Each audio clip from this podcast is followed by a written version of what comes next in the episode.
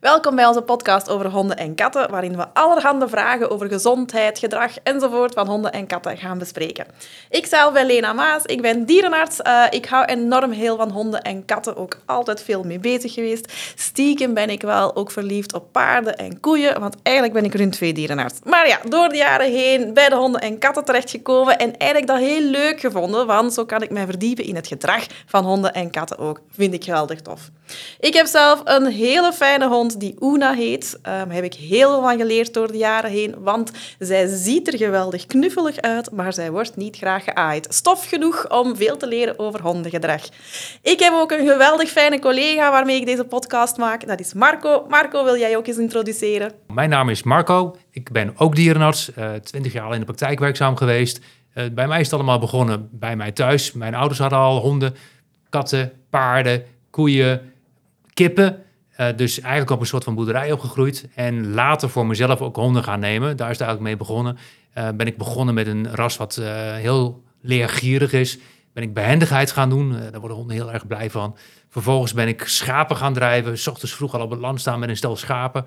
En later ben ik ook gaan speuren. Dus lekker met je hond het bos in. ik vind het ontzettend leuk om met een hond aan de slag te gaan. Katten heb ik ook nog steeds. Uh, dat is ook ontzettend leuk. Heel anders, want uh, katten zijn veel meer op zichzelf en niet zoals honden. Uh, kunnen ook wel sociaal zijn, maar veel meer op hun terrein, zeg maar. Daarnaast heb ik een vrouw en nu ook nog steeds twee katten. Broer en zus, Bailey en Luna. Hele leuke katten en gedragen zich ook echt als broer en zus. Goed, Marco, we gaan dus in deze podcast vragen behandelen over honden en katten. En deze keer gaan we drie vragen behandelen over katten. En wat hebben we gedaan? We zijn eigenlijk op zoek gegaan in Google naar de drie meest gestelde vragen over waarom gaat mijn kat puntje, puntje, puntje. En de eerste daarvan is waarom gaat mijn kat naast de kattenbak? Oh ja, dat is natuurlijk een hele belangrijke vraag. Niet zo heel raar dat die op één staat, of in ieder geval in de top drie. Want dat is natuurlijk een van de meest voorkomende problemen bij uh, katteneigenaren. Dat de kat ernaast past, uh, dat je huis vies wordt, dat je dat moet gaan opruimen. En hoe ga je dat oplossen? Geeft heel veel stress. Zeker eh, met mensen met jonge gezinnen. Als je alles een beetje schoon probeert te houden en je kat zit overal te plassen. Um, wat vind jij daarvan? Helemaal correct. Ik ben het helemaal mee eens. Um, katten die naast de kattenbak gaan, is niet fijn. En ik denk altijd aan twee zaken die daarmee te maken kunnen hebben. Ofwel medische kant, er is iets mis met de kat, ze heeft ergens pijn, het is niet goed. Andere kant is gedrag. En dan heeft het vaak te maken met stress.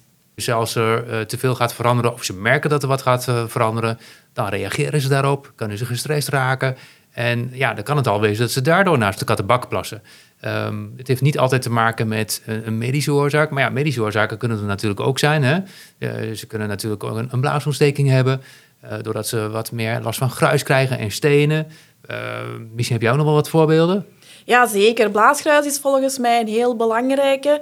Uh, komt regelmatig voor ook. Uh, waar ik ook nog aan denk, is dat de katten artrose kunnen hebben. Hè. Oudere katten, zelfs, soms zelfs al bij jongere katten, hebben vaak artrose, waarbij dat ze pijn gaan hebben aan hun gewrichten, aan hun knieën, aan hun schouders, aan hun heupen, waardoor het moeilijker wordt om te springen, om te bewegen, om recht te staan. En dan zie je regelmatig dat katten niet graag meer in die kattenbak kruipen, die soms een hogere rand heeft. Of dat ze niet graag naar beneden lopen. Stel dat een kat is die in het hele huis mag vertoeven en die zit boven en de kattenbak staat beneden. Ja, die geraken daar soms niet meer en die gaan dan onderweg ergens een ongelukje hebben.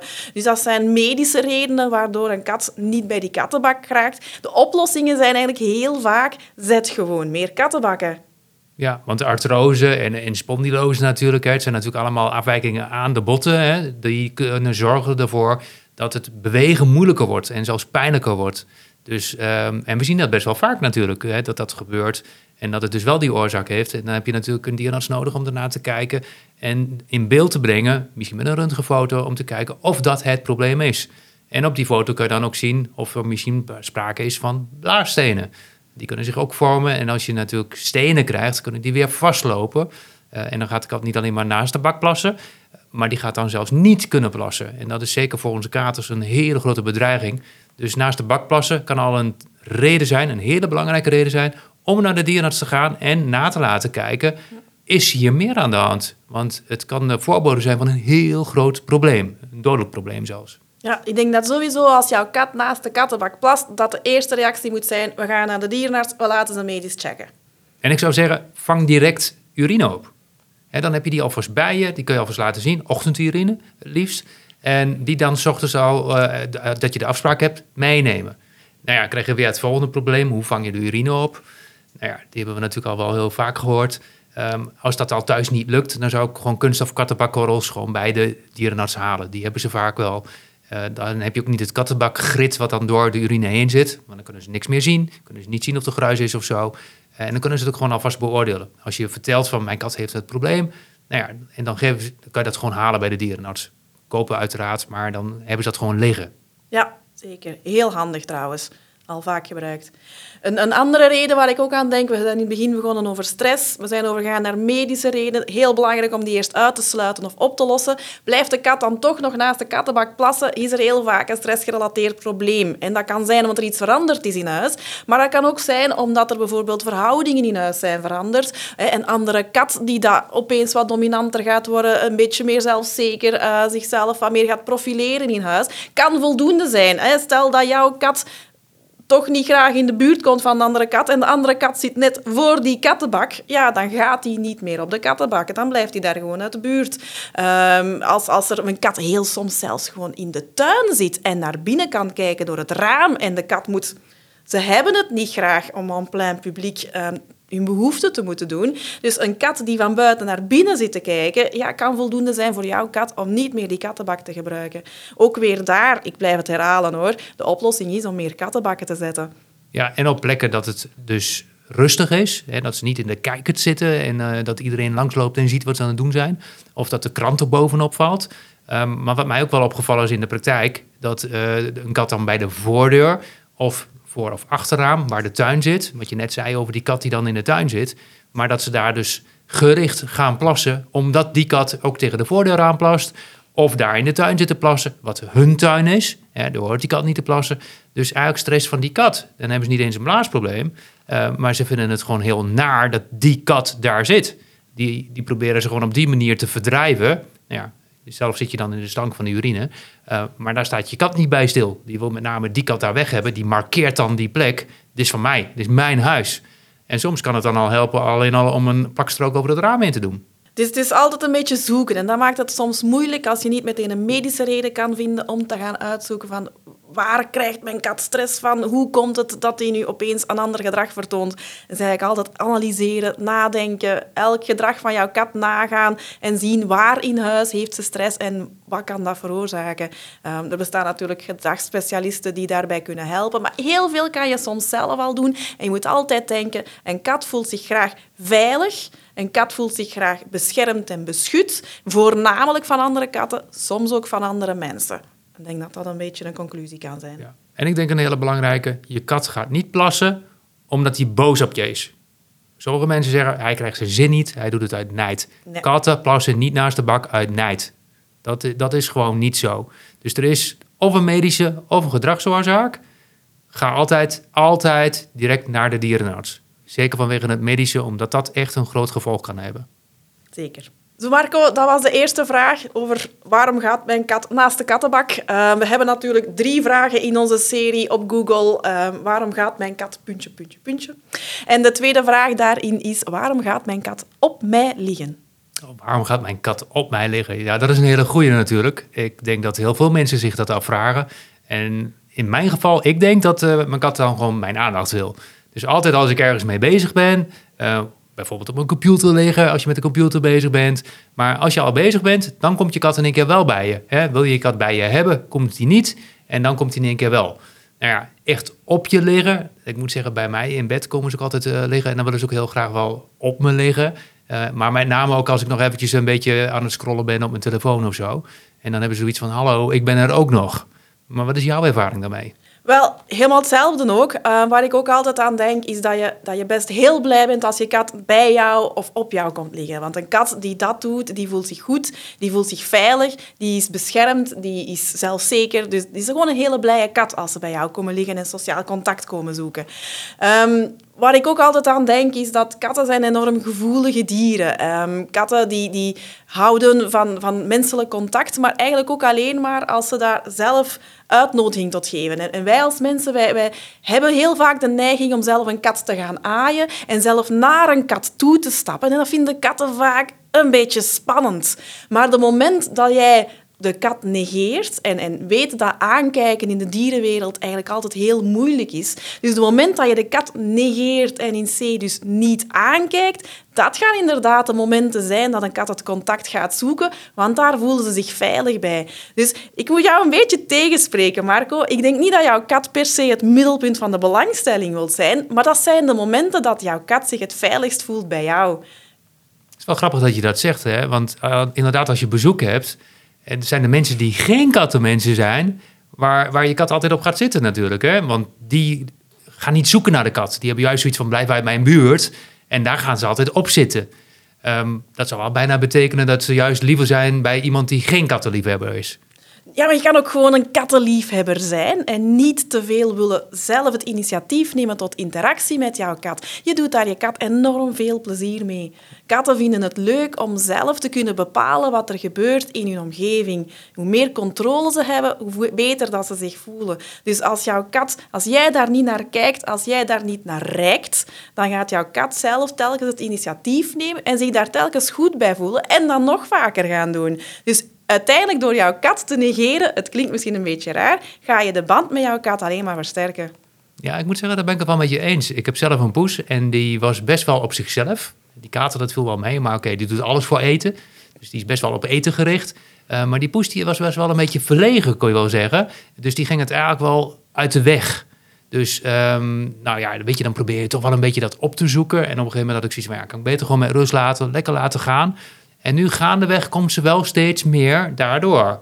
En door haar dan ook zelf te laten komen, vindt ze het ook veel leuker inderdaad. En dan gaat ze ook er meer bij liggen. Ik moet zeggen, nu ligt ze nog met name bij mijn voeten. Als ik, eh, als ik op bed lig, dan, hè, dan komt ze met name bij de voeten. Uh, die kater zoekt er wat meer dichterbij op. Maar dat is ook al wat langer inderdaad. Dus dan voelt hij zich ook meer op zijn gemak, lijkt het wel inderdaad. Waarschijnlijk. En die is misschien ook van zichzelf een beetje stoutmoediger kan best. Er zijn enorm veel verschillen in, in kattenaard en kattenkarakter. Dat is het leuke aan een kat ook, dat er zoveel variatie op zit. Dus zeer verlegen, zeer zelfzeker, um, onderzoekend of juist afwachtend. En ja, dat is ook leuk om jouw kat daarin te leren kennen. En ik kan mij inbeelden, als je twee zo verschillende katten hebt, dat het heel leuke dynamiek in huis kan geven. Is ook, is ook. Want weet je, broer-zus zegt dus helemaal niks. Hè? Want dat, uh, mijn vrouw zei ook wel eens van... Ja, maar het is toch broer en zus? Ik zei, nou ja, weet je, ik, met mijn zusje gaat nu heel goed. Maar we vroegen al, als kinderen vechten we elkaar ook de tent uit. Weet je, eh, dus dat heeft ook tijd nodig gehad. En, en daar zijn we ook ontwikkeld. En dat doen, mijn, katten doen dat ook. Zo af en toe dan vechten ze met elkaar. En dan zei je echt wel gemeen. Uh, maar zij heeft ook wel eens de neiging om hem zomaar een map te geven. Dus weet je, daar verschillen ze ook wel in. Dus de manier waarop ze ons opzoeken is ook heel anders. Hij komt echt vragen om eten. En zij lijkt wel wat meer te vragen om bescherming. dan wil ze eten, dan moet je meelopen en erbij blijven staan, zodat je hem zeg maar weghoudt, zodat zij rustig kan gaan eten. En dat stukje opzoeken lijkt ook wel zo te werken. Ja, katten zijn uiteindelijk altijd op zoek naar comfort en veiligheid. Dus als ze die bij jou vinden, gaan ze jou opzoeken. Dus ik kan alleen maar het advies meegeven, ik hoop dat je het daarmee eens bent, is negeer je kat, dan bouw je een band op. Ja, zeker mee eens. Dit was de tweede vraag over waarom gaat mijn kat op mij liggen. Deze is een reeks van drie vragen van de meest gestelde vragen in Google. Die beginnen met waarom gaat mijn kat puntje, puntje, puntje. We hebben nog één vraag te goed en deze is waarom gaat mijn kat op zijn rug liggen? Oh ja, en waarom gaat hij op zijn rug liggen? Nou, ook een hele leuke. Doen ze vaak, hè? Doen ze toch wel vaak. En ik denk dat het dan heel belangrijk is om goed erop te letten wat de houding is van je kat. Ik heb dat met mijn eigen katten ook gehad. Dan denk je van oké, hij ligt nu klaar om lekker gekroeld te worden op zijn buik. En ondertussen is hij al helemaal klaar om te gaan spelen. En dan hangt hij in één keer in je arm. Ik denk inderdaad dat je goed moet kijken naar wat bedoelt je kat nu eigenlijk met op zijn rug gaan liggen. En in grote lijnen denk ik dat je drie verschillende redenen kan hebben. Enerzijds is het ik nodig jou uit om te spelen. Anderzijds ik nodig jou uit om te kroelen. En ten derde, ik ga gewoon lekker liggen slapen en ik hoef helemaal geen interactie. En het is het moeilijke om te gaan nuanceren. Is het nu, is het, nu het een, is het andere? Moet ik, moet ik meegaan doen? Moet ik een spelletje bovenhalen? Of blijf ik gewoon lekker mijn kat negeren, want die voelt zich goed? Ja, kattenlezen is gewoon heel erg moeilijk. Hè? Weet je, ook voor ons, wij hebben dat in de praktijk natuurlijk meegemaakt. Uh, dan heb je een kat op de tafel staan en uh, wat wil die nou? Is hij nou bang? Uh, moet je nog eventjes wachten of juist niet? Hè? Moet je een beetje doortastend zijn? Kun je hem uit de mand halen? Um, is, die, is die rustig? Ook hè, in de spreekkamer als hij op de tafel gaat liggen, had ik altijd wel zoiets van, oké, die kan niet chill zijn. Dus laat ik maar even uitkijken. En thuis is dat natuurlijk eigenlijk nog moeilijker, want dan is je thuissituatie. Waarom zou je kat dan gestrest zijn? Want hij is natuurlijk thuis, dus hij zal wel rustig zijn. Terwijl je dan vergeet dat je je eigen energie hebt. Die neem je mee naar huis. Je komt van je werk, je hebt frustraties gehad, misschien. En dat neem je dan mee. En hoe je kat dan ligt, dat wil helemaal niet zeggen dat hij dan dus heel erg chill is. Nee, zeker. Ik denk dat je daar wel een beetje uh, kan afleiden uit, inderdaad zijn beweging. Zoals dat je zegt, ligt hij daar hè, te draaien. Zeker die staart maakt zo van die zwiepende bewegingen. Dat duidt toch altijd op iets meer excitatie, op iets meer spanning bij jouw kat. Waardoor dat je toch iets meer kans kan hebben dat hij gaat ja, zijn handen, zijn klauwen in jouw arm zetten. Um, maar misschien nodigt hij ook erg uit tot spel. Dus het is, het is zaak proberen het zo goed mogelijk te lezen, maar tegelijkertijd ook probeer jouw kat zelf zo goed mogelijk te kennen en, en leert zijn persoonlijke signalen te kennen. Want elke kat heeft een ander karakter en elke kat zal ook weer op een net iets andere manier gaan communiceren. Ja, en wat heb je ze geleerd om eh, te spelen? Ik heb ook gemerkt dat, uh, ook, ook bij vrienden dan, nou met name mannen. Wij, wij, nee, maar wij mannen zijn heel fysiek. Dus dan gaan we met, uh, met onze handen zo over, over de vloer heen. En uh, ja, dat is leuk als zo'n kitten dan in je hand hangt. En dan zeg je tegen je vrouw van, nee, daar voel ik helemaal niks van. En dat is, hè, dat is hartstikke stoer en hartstikke mannelijk. Totdat hij groot is. Nou, dat, dat. Dan heb je in één keer dan heb je zo'n vijf kilo, hè, een beetje zwaar. Hè, maar die hangt dan in je arm. En dan heb je de streamer erin staan. En dan is het in één keer zo, ja, het is een rotskat. Nee, je hebt je kat dat zelf geleerd, dat dat gewoon spel is. En nou ja, dan hangt het er in één keer bij. En toen hij klein was en hij lag op zijn rug en je zat op die buik. En dan, nou, dat was heel schattig dat hij dan zat buiten in je handen. Ja, nou, dan is hij vijf kilo en dan is het een roofdier en dat wil je je handen gewoon pakken. Het is nog steeds spel, maar het is wel eventjes een heel ander spel. Ja. En dan ben je eigenlijk een beetje de oorzaak geweest. En dan is het zo, ja, mijn kat is agressief. Nee, nee, nee. Voor die kat is het nog steeds spel. Ja, ja, dat is heel moeilijk onderscheid te maken. Ik denk, dat je hebt het spel zelf, je hebt het feit dat je een kat aanraakt. Misschien op een moment dat ze het zelf niet zo fijn vindt.